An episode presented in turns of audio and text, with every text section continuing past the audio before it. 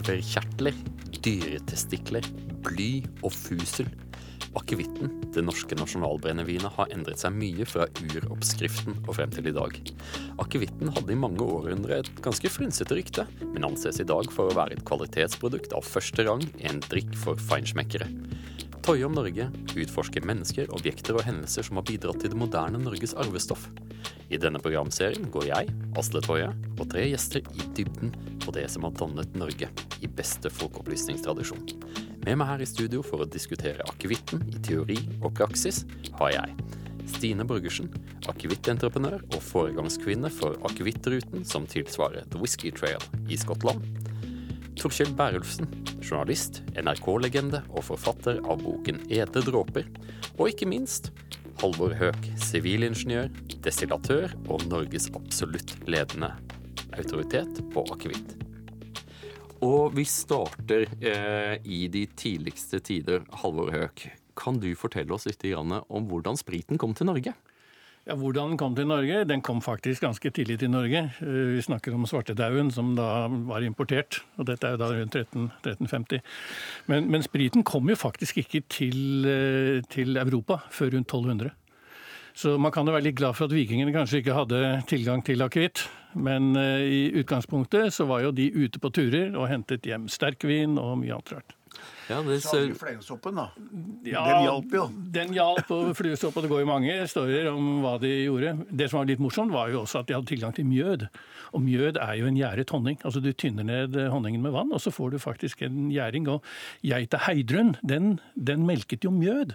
Og det morsomme var at vikingene visste at gammel mjød var bedre enn ung mjød. For den var da ferdig utgjæret og hadde et høyere alkoholinnhold. Ja, du leser, Hvis man leser den gamle romeren Tacitus, som skriver ja. i boka Germanien, så skriver han han om, eh, om, våre folk, da, eh, skandinavene, de som levde nord for eh, det romerske imperiet. Så skriver han overfor tørsten viser de ikke det samme måtehold som det de gjør i forhold til mat. Gir man etter for deres drikkelyst og lar dem få så meget som de lyster, vil drikken lettere gjøre det av med dem enn våpenmakt. Så det er tydeligvis at det var et oppdemmet behov etter sprit, eller iallfall en tørst for sprit, da det, dette kom på 1400-tallet. 1200-1300-tallet ja. var vel egentlig og Den første som påstås å kunne lage en ren sprit, han het Raymond Lull. Og, og, det morsomme var jo egentlig at her var det jo snakk om eh, de fire elementene man hadde, jord, luft, ild og vann. Men så fant jo han ut at hvis han da destillerte, varmet opp dette, sannsynligvis en vin, og denne alkoholdampen gikk over og ble kjølt ned fortettet, så fikk de da et klart, rent vann. Og da hadde de funnet det femte elementet. Da hadde de funnet livets vann kan jo Esten gå enda lenger tilbake, fordi, eh, fordi eh, allerede de gamle arabere hadde lært seg destillasjonsprosessen. Ja, Torkjell Børelsen, bare var, dra i gang. De var på jakt etter det innerste, det fineste, det beste. Nemlig det som de kalte for alkohol. Det er det det betyr. Essensen av ting. Men de drakk det jo ikke selv, fordi Muhammed hadde hatt en for å si det flåsete, en dårlig aften på byen. Så de kunne bruke denne alkoholen kunne de bruke til å desinfisere eller å forløse ting. Legge rosenblader oppi, og du er på vei til parfyme. Og denne destillasjonsprosessen den tar visstnok skrittet over Gibraltar med maurerne og møter irske munker på sydentur, som tar med seg denne prosessen hjem. Men de kunne jo ikke destillere de kunne ikke destillere vin. De hadde jo ikke vin. Og, men de, de, kunne destillere sitt korn, og fikk da det de på gelisk kaller for uishkeba, som betyr livets vann. Og når du er på full fart inn i det konsonantfrie fellesskap og har fått deg en 12-15 sånne uishkeba, så er det lettere å si whisky, som betyr altså livets vann. Så får du aquavita, livets vann. Og du får odevi, livets vann. For man mente at hvis man bare kunne finne den korrekte daglige doseringen, så ville det bortimot kunne leve evig, og det er mange som fortsatt jobber med akkurat den der. Ja, For Halvor Høek, i innledningsvis så var vel eh, alkoholen, eller iallfall spriten, tett knyttet opp imot medisinkunsten, var det ikke? Jo, det er helt riktig. Det, det, første er faktisk eh, Da var det ikke alkohol med i bildet i det hele tatt. En, altså en alkoholgjæret væske, da var det faktisk vann. Så de laget altså en vanndampsdestillasjon. Så du kunne koke vann med blader, urter, krydder etc. Eh, og da ville de eteriske oljene følge med da vanndampen over. og Når du kjølte ned, så ville disse oljene legge seg helt på toppen av vannet, for det er jo ikke blandbar med vann. Så dette er jo starten på det hele. Han som var virkelig stor på dette, han het jo Aurelius Theofrastus Bombastus von Hochenheim. Nei, sier du det? Ja. og Det var jo signaturlærerens far. Og Han mente jo da at eh, de overnaturlige maktene hadde hjulpet menneskene til å kunne bruke plantene på en riktig måte. Så da var det liksom hjerteformede blader, hjertesykdommer, nyreformede nyresykdommer, røde plantesafter, blodsykdommer etc. etc. Så, så dette her er jo Og dette er jo før opplysningstiden. Så det skal det bare middels fantasi til for å skjønne hva en asparges er godt for? Stine Borgersen, eh, når støter vi først på akevitten i Norge som, som akevitt? Du har jo det fra 1531, hvor vi har det første dokumentet på at vi har akevitt i Norge, hvor eh, Eske Bille sendte en flaske med Livets vann opp til Olav Engel Brektsson i Trondheim. Med ja da, en livseliksir som skulle kunne kurere alle sykdommer, både innvortes og utvortes. Og akevitt betyr jo, kommer jo fra latinsk aquavita, og betyr livets vann. Ja, det er, så, det er, jo interessant at det norske ordet dram kommer jo fra drakme, som mm. er en apotekermåleenhet. Men vi må, vi, må, vi må, videre, for nå har, vi, nå har vi da fått introdusert akevitten til Norge. Og... Men jeg har jo med meg en liten dråpe av Eskebilledrammen, jeg, da. Har du med en dråpe av Eskebilledrammen? Og så har jeg tatt med meg et glass også. Det står nå her. Så um, hvis folk er interessert i eventuelt å kunne få en Sa du ja? Det som er morsomt med den der, det er, det er altså du laver Her skjenkes det alkohol i studio, men dette er kun for, smaks, øh, for smaksprøver, er det det? Og duft. Smak og, og duft. Smak og duft. Jeg lukter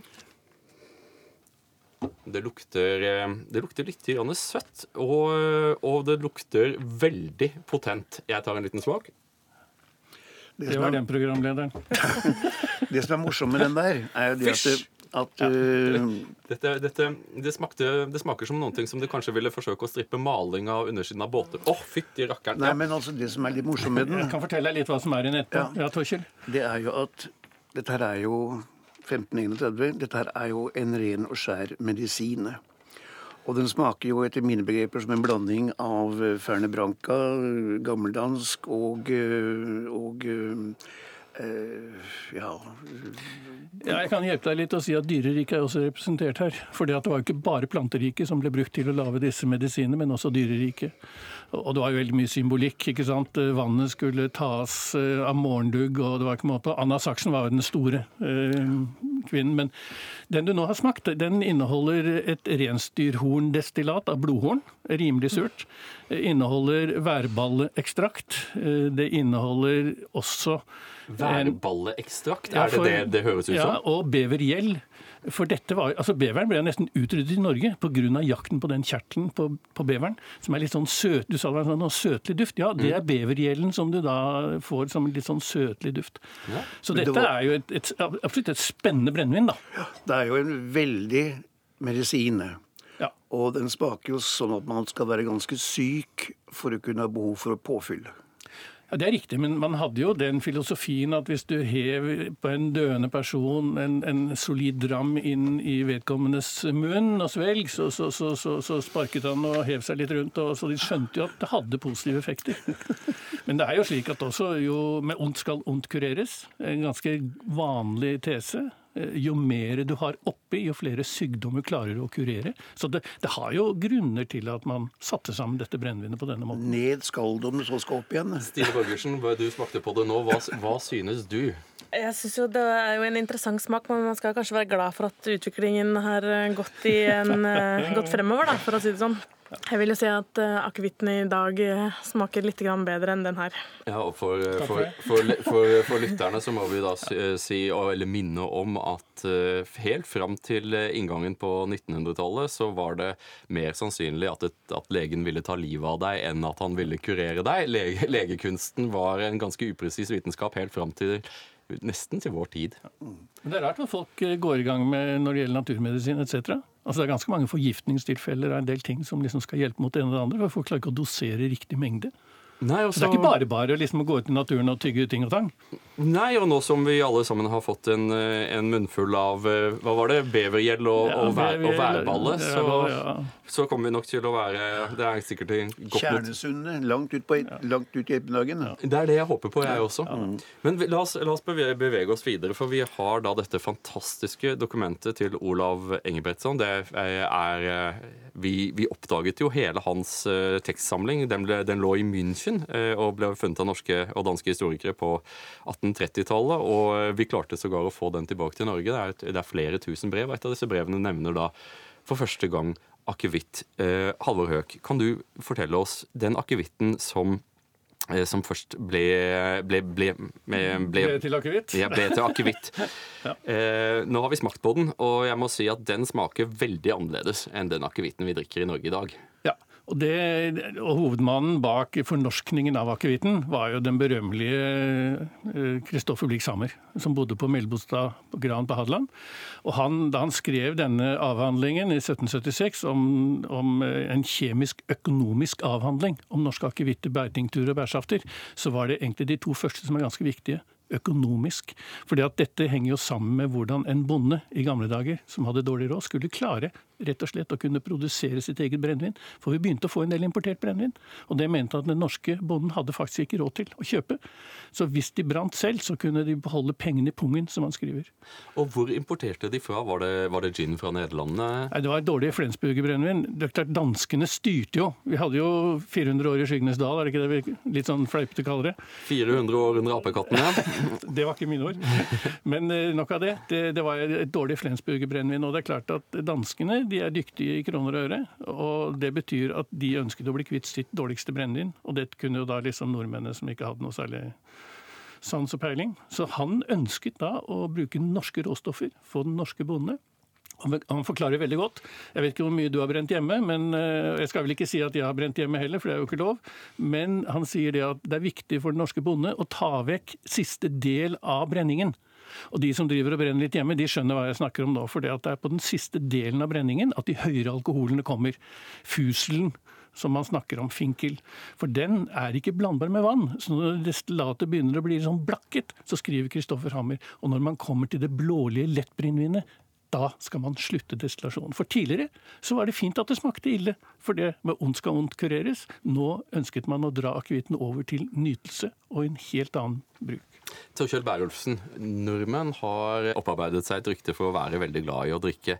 Kan du eh, fortelle oss litt om, eh, om hvordan drikkekulturen var i Norge på 1500- og 1600-tallet?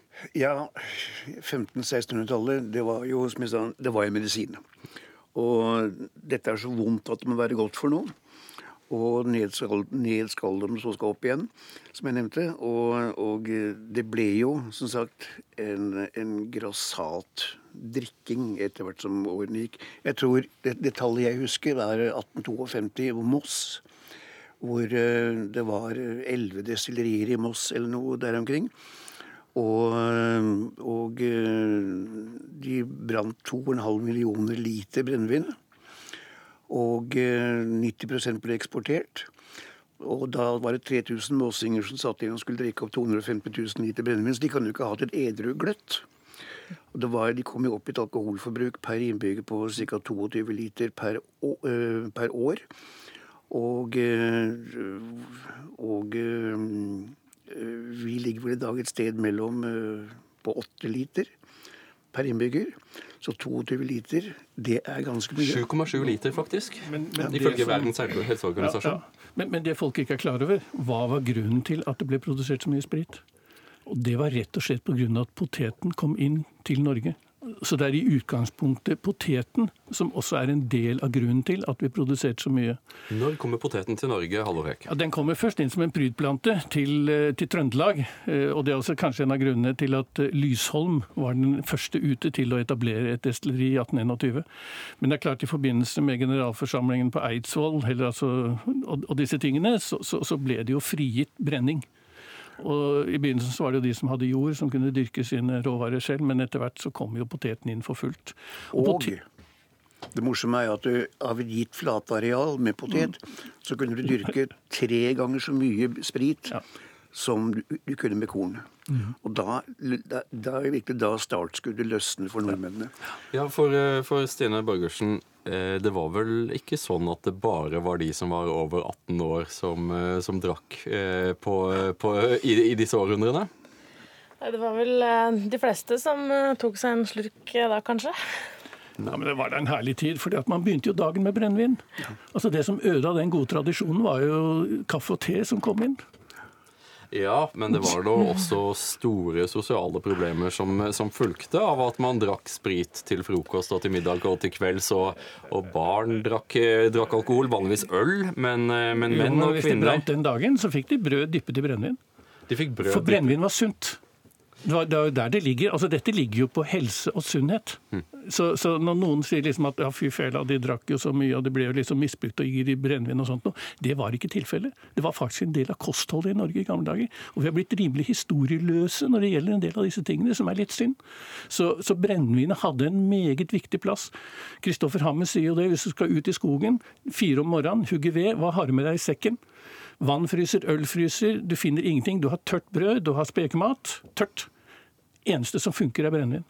Så, så det er klart at den hadde en betydning. Og det er klart det er ikke alle som liker den delen av det hele, men, men det er faktisk tilfellet. Så man må ikke dra det ut av en historisk sammenheng. Nå har de jo gjort noen veldig store studier i, eh, i Gøteborg på, på alkohol og problemene med alkohol på, ved inngangen til 1800-tallet. Og vi nevnte at, eh, at nordmenn drikker i, eh, ifølge Verdens helseorganisasjon 7,7 liter ren sprit i året. Det er, vi ligger da på eh, 56.-plass i verden, og der ligger Hviterussland på toppen på med 17,6 liter.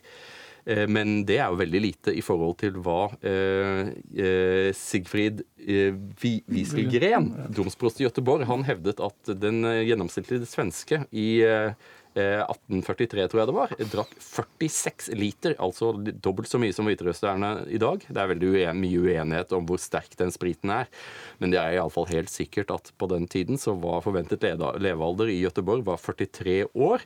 Og det var en meget høy dødelighet eh, knyttet til sanitære forhold og sykdom og sånne ting, men også ulykker og vold. Eh, Det var mange som, eh, som, som frøys i hjel og falt og slo seg og, og skadet seg i alkoholrus. Og det førte jo til at det ble et ganske skarpt tilbakeslag mot, mot alkohol. Vi, vi kjenner jo fra fra, fra Norge så var det jo flere av Eidsvollsfedrene som ønsket å forby eh, sprit eh, helt, var det ikke det? Ja, de drakk hinsides på Eidsvoll. De gjorde det. under eh, alle diskusjoner og sånt nå. Men, men, men svenskene var jo også litt spesielle, da, fordi at svenskekongen fant ut at det var jævla mye penger å tjene på å brenne sprit. Så han tømte jo nesten hele Stockholm og områdene rundt for ved, for han trengte vedfyring for å kunne lage spriten.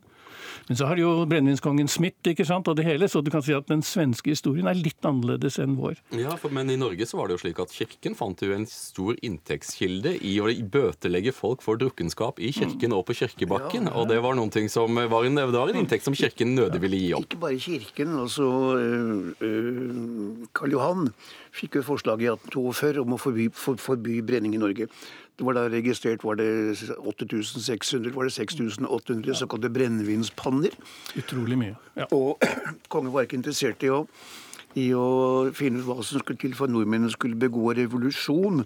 Så han nedla veto mot dette lovforslaget. Så han eh, innførte heller hva skal jeg si for noe, Siv Jensen-metoden. Han eh, skattla brennevinet. Og det, de pengene der, det var det første sosialbudsjettet i Norge. Som gikk med til å bygge kaianlegg, skoler, veier, kirker osv. Så, videre. så det ble en slags sånn drikk og bygg landet, og Gud hjelpe meg hvor vi drakk og bygde landet vårt. Kanskje han ikke var, var så helt på jordet. Det er jo enkelte historikere som hevder at uh, Mikhail Gorbatsjovs store feil var å forsøke å, ta, uh, å redusere eh, vodkaforbruket i Sovjetunionen. At det var noen ting som dramatisk svekket oppslutningen omkring eh, kommunistregimet. Men nå, vi, nå har vi snakket mye om sprit, og vi har smakt på, uh, på urakevitten. Eh, Nå må eh, Stine Borgersen, nå må du ta oss og fortelle oss eh, hva er akevitt?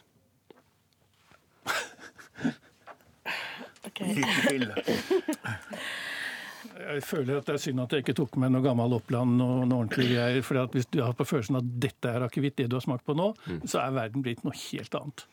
Ja, det har, det har virkelig det. Men, men, men, men hovedregelen er at akevitt i Norge må brygges på ja, Nå kom det jo heldigvis, eh, kan man si, i 2011 en eh, lov som tilsatte for å kalle det norsk akevitt, så må det være produsert på 95 eh, potet og være fatmona i minimum seks måneder for å kunne kalle det norsk akevitt. Og det må være norske poteter? Ja, 95 mm -hmm. eh, Så For vi har jo hatt mye dårlig akevitt, eller hva skal man si? Der man har dansk akevitt og Eller ikke dårlig akevitt.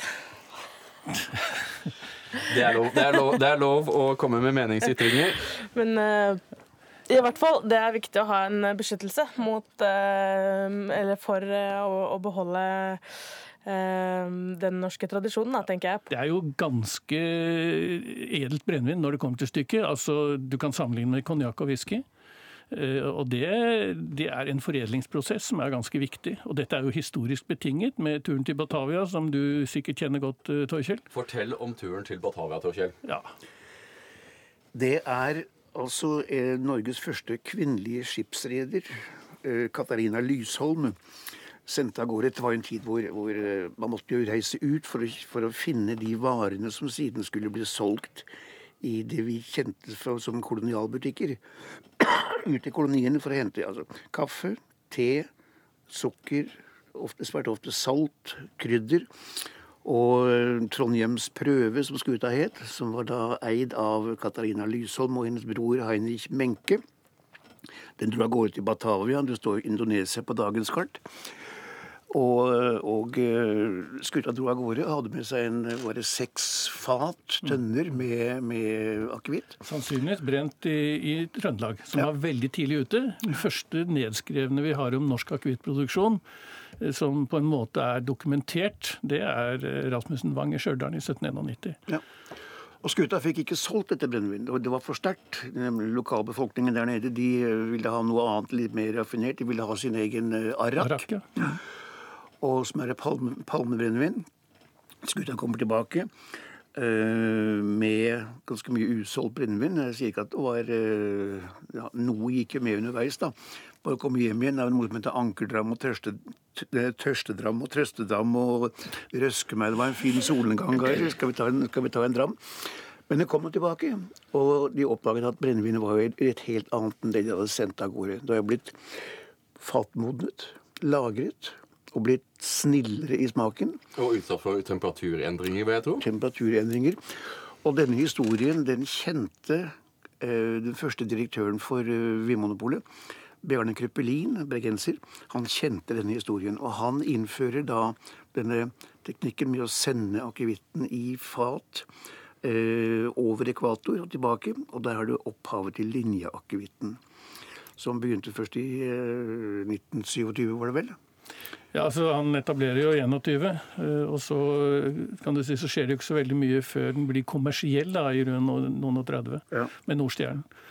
Og der men Nordstjernen er Nordstjernen det er en båt som da blir satt inn i frakt. Og Det er frakt av klippfisk mm. og, og modne linjeakevitt over til Rio. Ja. Det er den første kommersielle, egentlig. Ja, Men der er det opphavet til altså linjeakevitten. Mm. Så, øh, og det kan vi takke Katarina Lysholm for. Ja, ja. Så uh, hvis du graver lenge nok i historien, så finner du alltid en kvinne bakom. Ja, jeg skulle akkurat til å si det. det er jo, jeg synes det er viktig at vi drar inn disse kvinnene også. Det er ja. ikke bare Katarina eller Lysholm eller Eller den moderne versjonen av det. Bak enhver vellykket mann ser du konturene av en potensiell enke. Ja. Men det var jo litt interessant også med Du nevnte jo Hammer eh, tidligere, og han også var jo avholdsmann, men han hadde vel en husholderske som ikke, ikke var det, da. Som vi kanskje bør nevne. Ja, nei, altså Det står mange kvinner bak, og så har du selvfølgelig hun som da fikk poteten til å, å gjære. Så dette var i Sverige det skjedde. at uh, Grevinne Ekeblad var jo den som på en måte begynte å praktisere gjæring av potet i, i Sverige.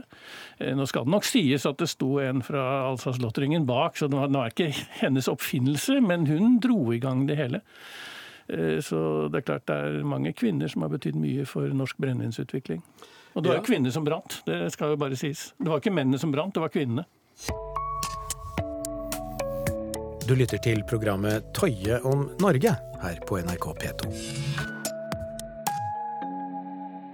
Vi snakket tidligere om de enorme sosiale problemene som fulgte med eh, storstilt brenning, eh, der staten så en fordel av å kunne beskatte, kirken så en, en, en, en inntekt i og det å kunne gi bøter for folk som var fulle til, i kirketiden.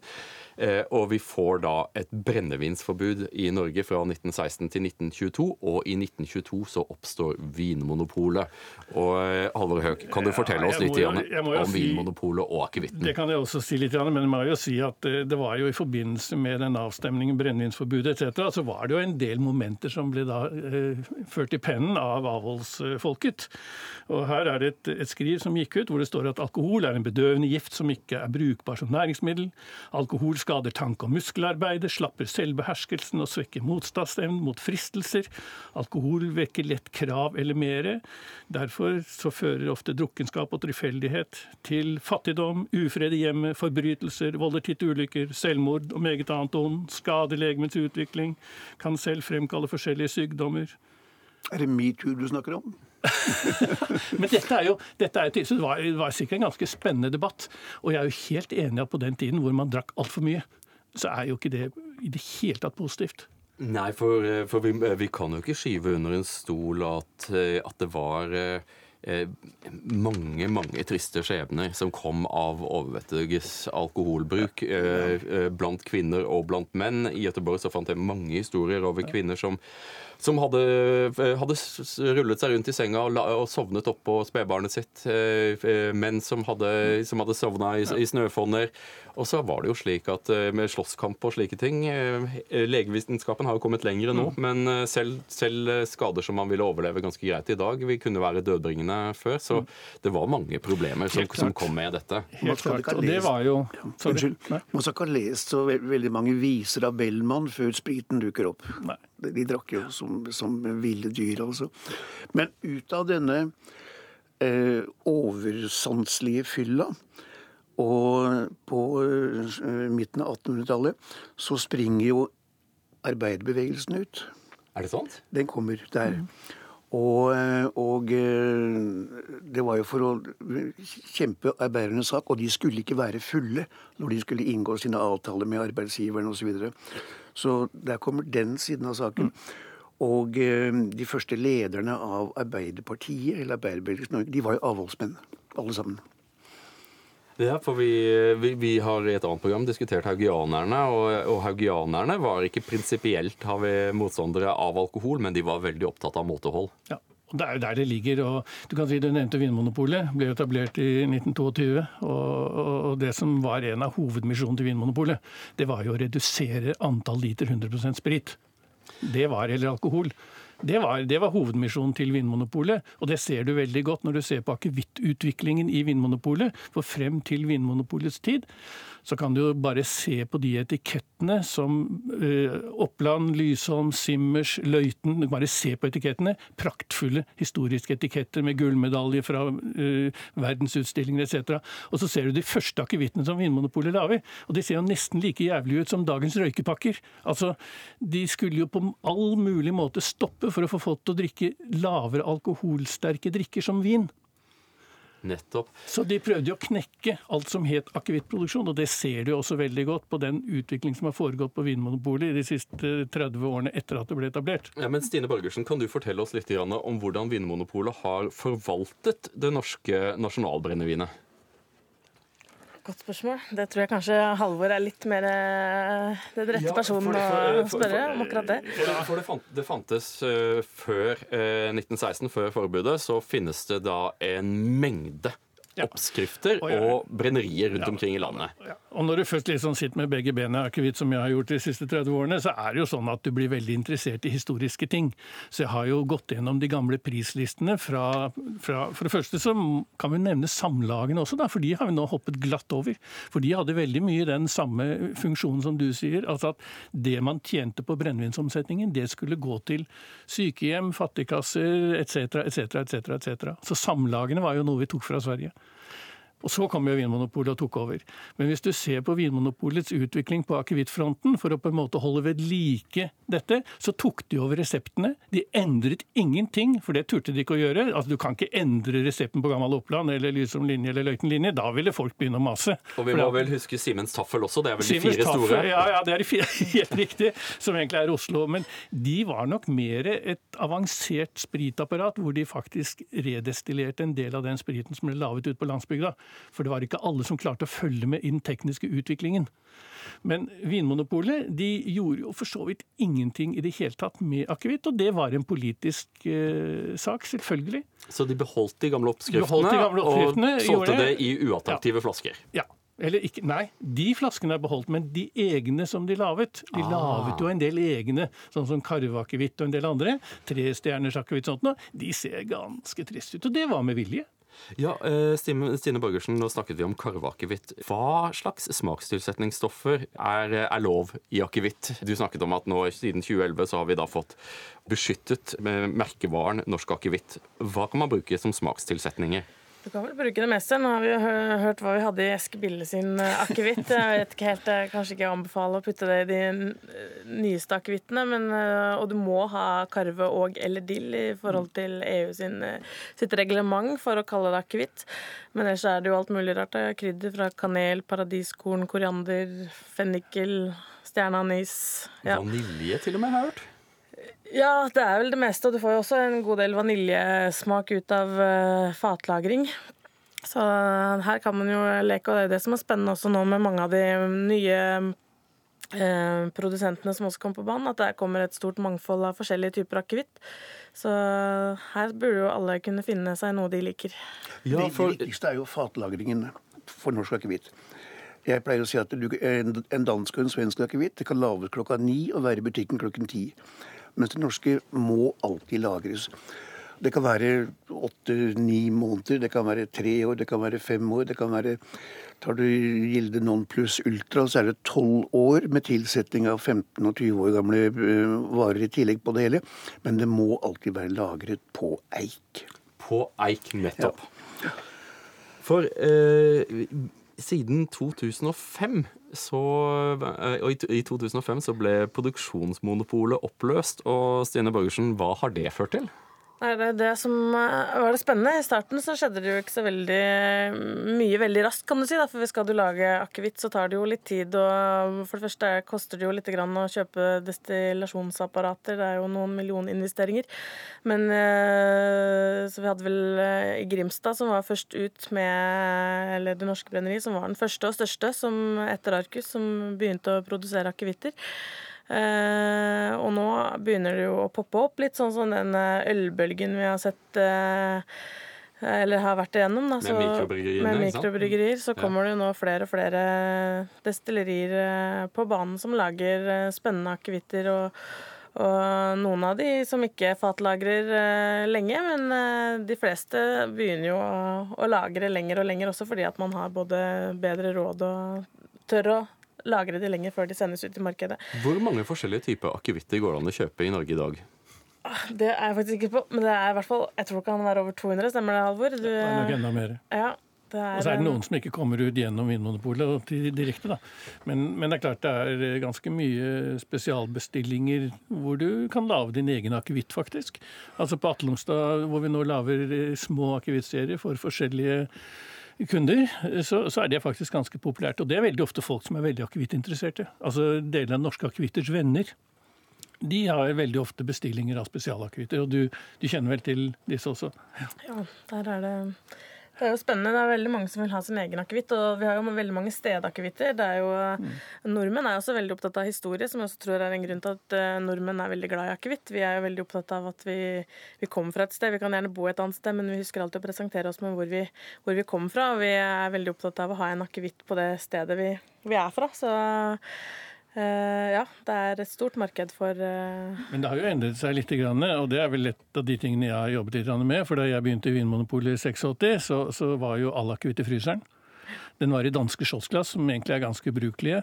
Eh, ingen ville finne på å drikke en konjakk eller en whisky fra fryseren og shotten i et glass hvor ikke du har muligheten til å kjenne noen dufter eller noen ting. Derav også Riel-glasset, som på en måte er blitt utviklet for at folk skal få en forståelse for at forskjellige akevitter smaker faktisk forskjellig. For det er, det er et tulipanfarget Det er et tulipanformet glass, ja. Ja. Og, og da har du plutselig muligheten til å kunne få fataromaer, du får krydder etc. og kan vurdere akevitten. Mens tidligere så var det fryseren, og så shotting, og så skyller ofte etter med øl, og, og, og bruker på en litt sånn lite kulturelt trivelig måte. Det er det som er noe av, greia, at man eh, etter hvert blir kvitt det der med at den skal være iskald. For det sier seg selv at jo kaldere, jo mindre smak. Og, og eh, det er jo en grunn til at, at man, mange mennesker putter t- tranflasken i kjøleskapet. ikke sant? For å få minst mulig smak av den tranen. Og det å drikke en iskald akevitt, det er en hån mot den som har laget den. Ja, Den akevitten jeg fikk servert nå nettopp, ville jeg gjerne ha hatt så kald som overhodet mulig. Men Torkjell, nå, nå, nå må du ta oss og forklare oss litt. Janne. Vi, vi starter med en drikk som smaker heslig, og som har den funksjon at du blir beruset av den. Eh, Hold deg for nesa og drikk det. Men i dag så kan man vel gå så langt som å snakke om akevittkultur. Hva er det som har skjedd i løpet av, eh, av 1900-tallet og fram til i dag som har gjort at akevitten har blitt så folkekjær og har blitt et tegn på kultur? For det første er jo akevitten blitt vesentlig bedre, da. Eh, Og, og den er jo et veldig rent brennevin. Sammenlignet med nettopp som, som ble nevnt øh, konjakk eller whisky, som jo har ganske mye fusel i seg. Jeg har hørt sagt at det mest urene brennevinet du kan drikke, er Jack Daniels bourbon. Som er full av alskens vederstyggelighet. Det var det han drakk Frank Sinatra, men kanskje det er forklaringen på at han synger så rart òg. Men, eh, men, eh, men eh, vi ble jo etter hvert glad i den akevitten. Og akevitt er ikke noe man liker uten videre på første slurk. Man må venne seg til det. Man må å si, forme seg selv sammen med akevitten. Og vi får denne Ikke det dette, var, dette var vondt, men eh, vi lærer å smake den og begynner å skille de forskjellige smakselementene. Merker at her ligger det noe sødme, her ligger det noe vanilje, her ligger det noe sånn, sånn og sånn. Og eh, jeg syns jo f.eks. en fantastisk morsom måte å drikke akevitt på, er jo å ha den eh, med et lite stykke sjokolade og som et avvekk til en kaffe. En sterk, sterk kaffe. Og for all del, ikke bruk ølen til å skylle ned akevitten. Om noe så skal du ta ølen først, og så i det øyeblikket du har svelget ølen, så skal du øh, prøve deg på akevitten og merke at den blir snillere og klatrer opp innsiden av munnhulen din, som du selv en gang kunne gjøre på ribbeveggen i gymsalen. Den blir snillere.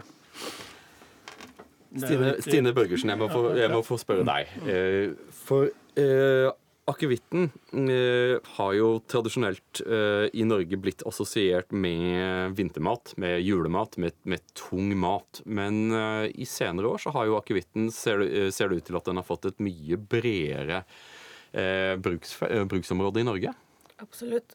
Og det er jo også med at det har kommet mange flere typer akevitter, som også er kanskje lagd til ulike formål også, som til å passe til ulik mat. Og akevitt er jo perfekt både til eh, spekemat om sommeren og til skalldyr og, eh, om sommeren. Så her er det ikke noe nå i juli å legge seg på latsiden i akevittdrikkene. Ja, så har vel akevitten blitt eh, begynt å Man bruker det i drinker. Det gjorde man kanskje ikke før på samme måte? Det er jo det som kanskje er mest revolusjonerende for tiden. At det er blitt veldig trendy å eksperimentere med akevitt i, i barer i, over hele verden. Og øh, unge bartendere liker å bruke akevitt uh, i da drinker. Bruker det istedenfor uh, gin, blant annet, og lager fantastiske drinker. Og veldig mange barer, uh, spesielt kanskje i Norge også, begynner jo også å differensiere seg på uh, akevittdrinker. Men hva med dette tulipanformede glasset? Det er vel ikke så populært blant bartendere? De er jo skjøre og vanskelig å sable? Ja, eh, men i barene så blir det jo kanskje litt andre glass også som de bruker. Så det er nok ikke noe problem i, i barene. Du lytter til programmet Tøye om Norge her på NRK P2.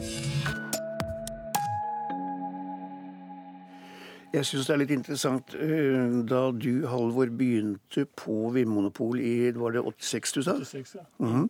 Hvor mange typer akevitt fantes det da fra Vinmonopolet? Det var vel en åtte-ni stykker. Og nå lager Arcus hvor mange? Ja, vi har et stort antall. Jeg, jeg forsøkte å telle opp, og jeg kom over 300. Jo, men det er ikke bare Arkusynet. Men det er klart, eh, det var vel noe av det jeg så.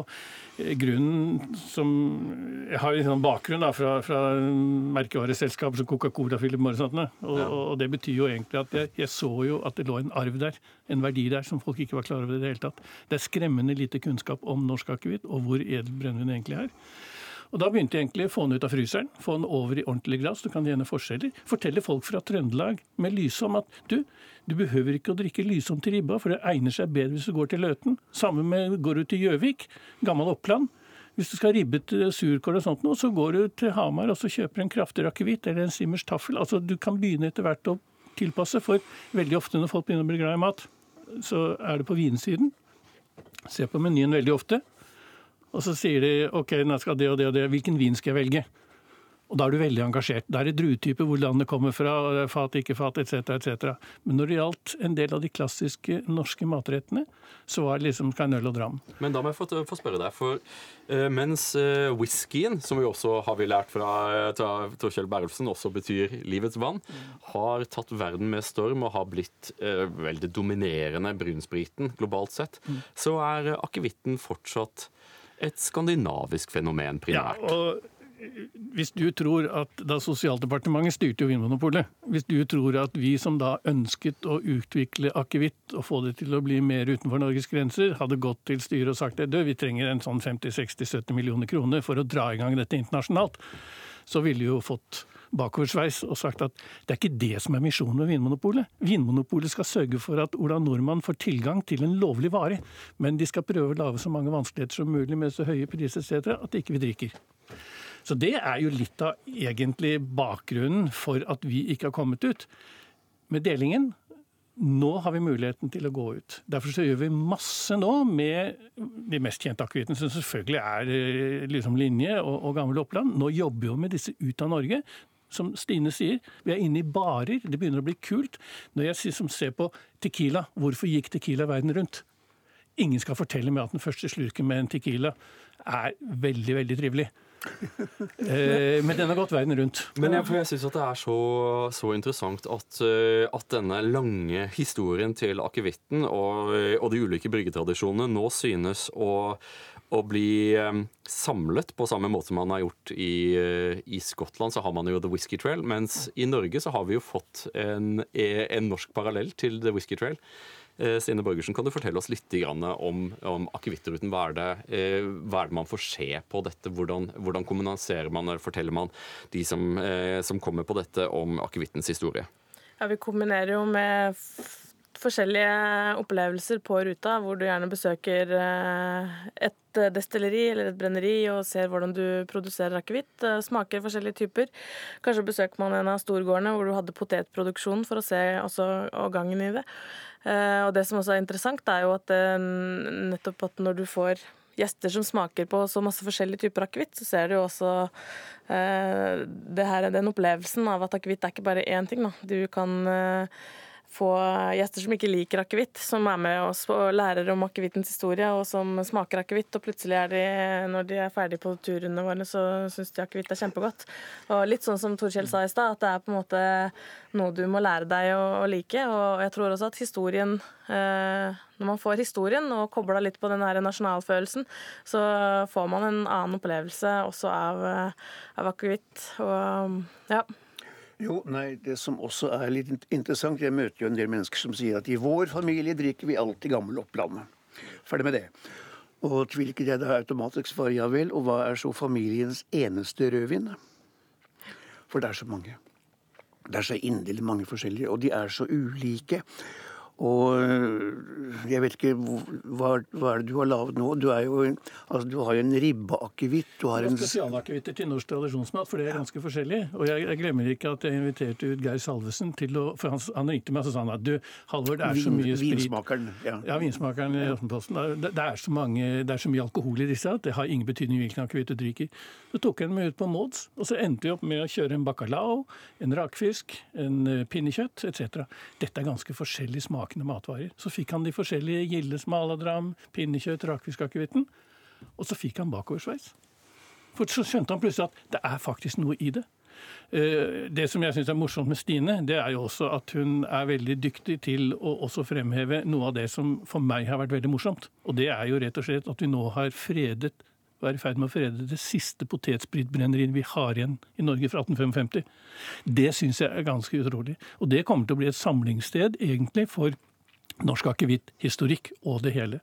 Og det hvor, hvor ligger dette brenneriet? Jeg regner med det er på Stange. Jeg er jo stangesokning sjøl og er jo veldig glad i Atlungstad brenneri, så prøver ikke å lage altfor mye alkoholreklame her eh, om Atlungstad. Men det er et fantastisk brenneri som ligger helt nede ved Mjøsa, og som, som jo et, eh, blir jo et senter for eh, både norsk akevittkultur og opplevelser. Og Skiblander, som vi også har en del akevittcruise på, legger jo også til kai på en selvfølgelig 96 meter lang brygge ved, ved Atlungstad. Ja, Så- for Historisk sett så har jo akevitten vært assosiert med, eh, iallfall fra 1600-, 1700- og 1800-tallet, assosiert med de lavere sosiale sjikt, om man kan kalle det det, og med fyll. Men hvem er den typiske eh, personen som kommer på akevittruten? Er det eh, kan, eh, kan du gi noen indikasjoner? Det er veldig morsomt. Nå har jeg holdt på med det her i 15 år, og kanskje for 15 år siden var det kanskje litt mer sånn eh, klassifisert hvem den typiske akevittrikeren eller gjesten var. Da. Det var kanskje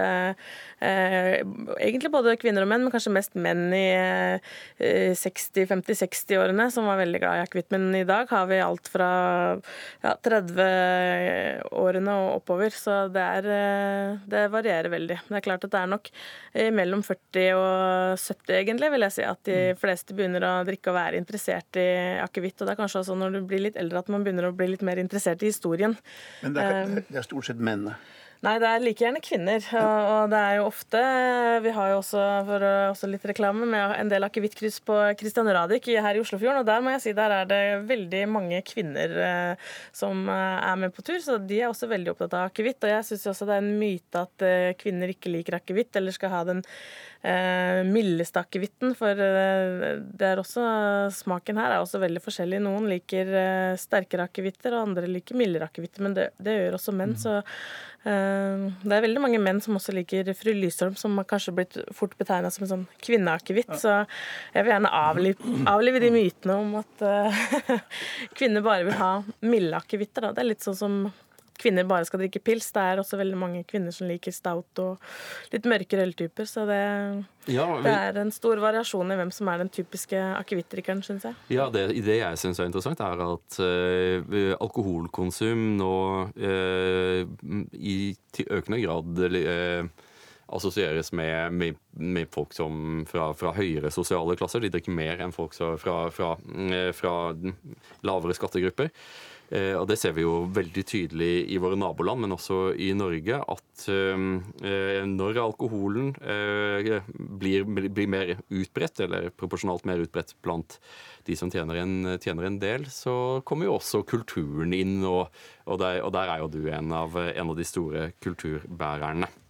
Jeg tenker i hvert fall uansett at vi både produsentene og også Norske akevitter skjønner, som ble nevnt, som er en venneforening med over 8000 medlemmer, og vi også jobber jo med dette her med måtehold, og det at akevitt skal være noe du nyter til eh, gjerne til mat eller til, eh, til andre opplevelser, og ikke noe man skal drikke for å bli full. Så det er jo Ja. jeg husker eh, Kai på Engebrett, Kai Jansson på Engebrett.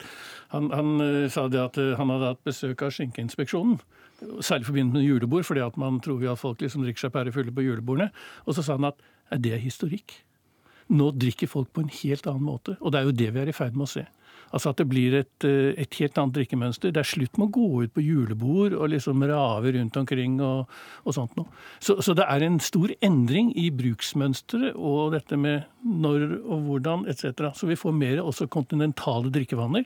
Helgefylla, som var en stor sak tidligere, den er ikke fullt så markert lenger. Ja, Det er veldig fint at du betoner måtehold. Jeg er selv avholdsmann, selv om jeg smakte på, jeg smakte på satsen. Eh, og jeg, jeg, tror at det er også viktig at i et program som dette at vi, vi understreker det at, eh, at alkohol kan, eh, kan, være en svøpe hvis man ikke bruker mm. det med måtehold. Og det er jo en gledelig utvikling at, at stadig flere forstår at, at akevitt er, er noe man, man nyter. Man tyller det ikke. Men eh, vi drikker jo egentlig ikke så mye i Norge. Var det 7,9 liter? 7,9 liter? 7,7 liter. Vi ligger langt bak både svensker og dansker på ja. 65.-plass på Verdens helseorganisasjons ja, og Fr Franskmennene drikker vel 14 liter, tror jeg. Omtrent, ja. Så, så, eh, det er liksom ikke noe Det har ikke vært noen merkbar økning i alkoholforbruket i Norge. Så det betyr altså at folk drikker eh, kanskje litt mindre, men at de drikker bedre kvalitetsvarer. Kan det stemme, Stine Borgersen? Ja, det kan det nok. Men en annen ting som jeg syns er litt morsomt når vi snakker om drikkekultur, er jo nettopp det at eh, Eller fra gammelt av, hvis vi skal trekke litt tilbake igjen i historien, så på 800-900-tallet, hvor du hadde Gulatingsloven, så var, det jo, eh, var vi jo i Norge påbudt å brygge x antall liter øl for ikke å bli både landsforvist og miste gård og grunn. Og det var jo også slik at du, du burde faktisk spy når du var i selskap for, det, for å utvise honnør til vertskapet.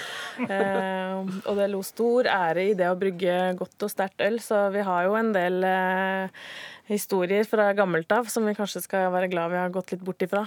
Det er jo, som man pleier å si, eh, det er farlig å drikke på tomt hue. Det er farlig å drikke på tomt hue, og det er farlig å drikke på tom mage, men nå må vi snart gå inn for landing. Nå vil jeg gjerne få høre litt fra alle tre om hvordan dere ser for dere at akevitten kommer til å utvikle seg videre. For vi har jo hatt en rivende utvikling siden produksjonsmonopolet ble opphevet i 2005, eh, og siden eh, norsk akevitt ble verkemarbeskyttet i 2011. Halvor Høek, hvordan ser du for deg at akevitten kommer til å utvikle seg? Kommer den til å ta verden med storm, slik whisky i sin tid gjorde? Jeg, jeg, er vel av den oppfatning at uh, jeg ser en ganske lys fremtid for, for uh, norsk akevitt. Uh, det er ingen tvil om at når jeg reiser ut og er ute internasjonalt, så, så er det en ganske stor interesse for akevitt. Og jeg er temmelig sikker på at USA Eh, de skandinaviske bosetningene, disse statene. Jeg tror helt sikkert at eh, dette er et, eh, en, en, stor mulighet, egentlig. Og så er jeg veldig glad for at vi har på en måte fått vekk denne iskalde Drammen og shotting og, og fylledelen rundt det hele. Det, det, gjør at det er mye mer stuerent å drikke en, en akevitt. Og og da er vi liksom på riktig vei. Men at uh, vi skal redde verden med akevitt, og at det skal erstatte whisky og konjakk, som er sterke merkevarer worldwide, det har jeg ingen tro på. Men, men jeg ser en veldig positiv Hvem er det som drikker mest akevitt? Er det nordmenn? Altså, det, er, nei, det, det, tør jeg faktisk ikke si, men Danmark har jo vært et veldig stort akevittland. Men uh, der er vel trenden litt nedadgående. Eh, Tyskland er et eh, stort akevittland. Du kan trekke en strek gjennom Tyskland. Nord for den så drikker man si, korn og potet. Og syd så er det jo druebasert. Men eh, Og hva med Sverige? Ja, Sverige er også et stort Det er jo dobbelt så mange som oss, så det er klart det er også et stort akevittland. Finnene er mer vodka. Danmark har vært mye bitter akevitt. Norge har jo vært et konjakkland og blir nå mindre og mindre konjakk og mer og mer akevitt. Sverige er jo whisky primært. Altså de bruker whisky som, eh, som en liten eh, drikk for å komme i god stemning. Altså de bruker nesten whisky som vodka. Stine Borgersen, så det endrer seg. Ja. Stine Borgersen, kan du, eh, kan du, komme med noen Ta på deg spåkvinnehatten og fortelle oss hvor, hvor, hvor kommer akevitten, vår nasjonalsprit, til å eh, fare videre? Jeg tenker jo at jeg skulle gjerne ha frelst hele verden med å bare drikke norsk akevitt, men det er som Halvor sier, noen utfordringer i å eh, ta opp kampen med whisky. De eies jo også av store konsern med store markedsbudsjetter, så det er jo én ting. Men jeg tror at den eh, økte eh, Altså at det er så masse forskjellige akevitter som nå kommer, vil jo øke populariteten eller også oppmerksomheten rundt kategorien akevitt og gjøre til at den blir mer populær, og det er jo flere, også, flere og flere norske vinnere. Altså, vi vinner disse her spritkonkurransene, som også gir økt oppmerksomhet.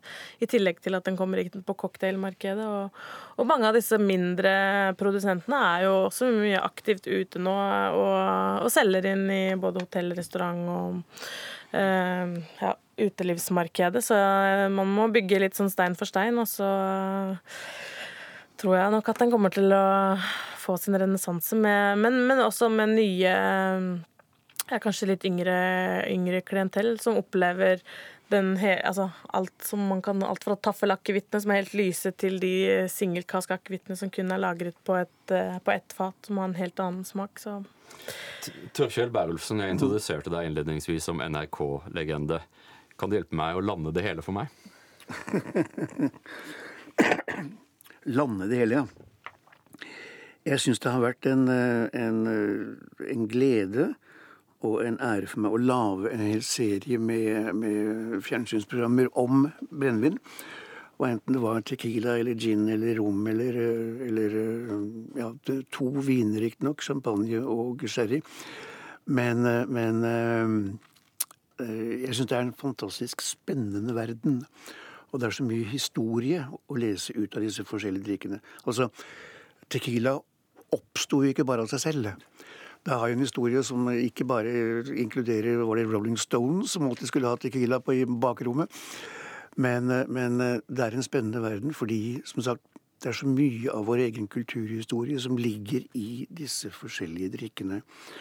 Og ikke minst syns jeg det er veldig morsomt å ha hatt avgang til å se den utviklingen som har vært innen akevittens verden. Fra Eskebille og det der eh, værballegreiene og eh, Bevergjell osv.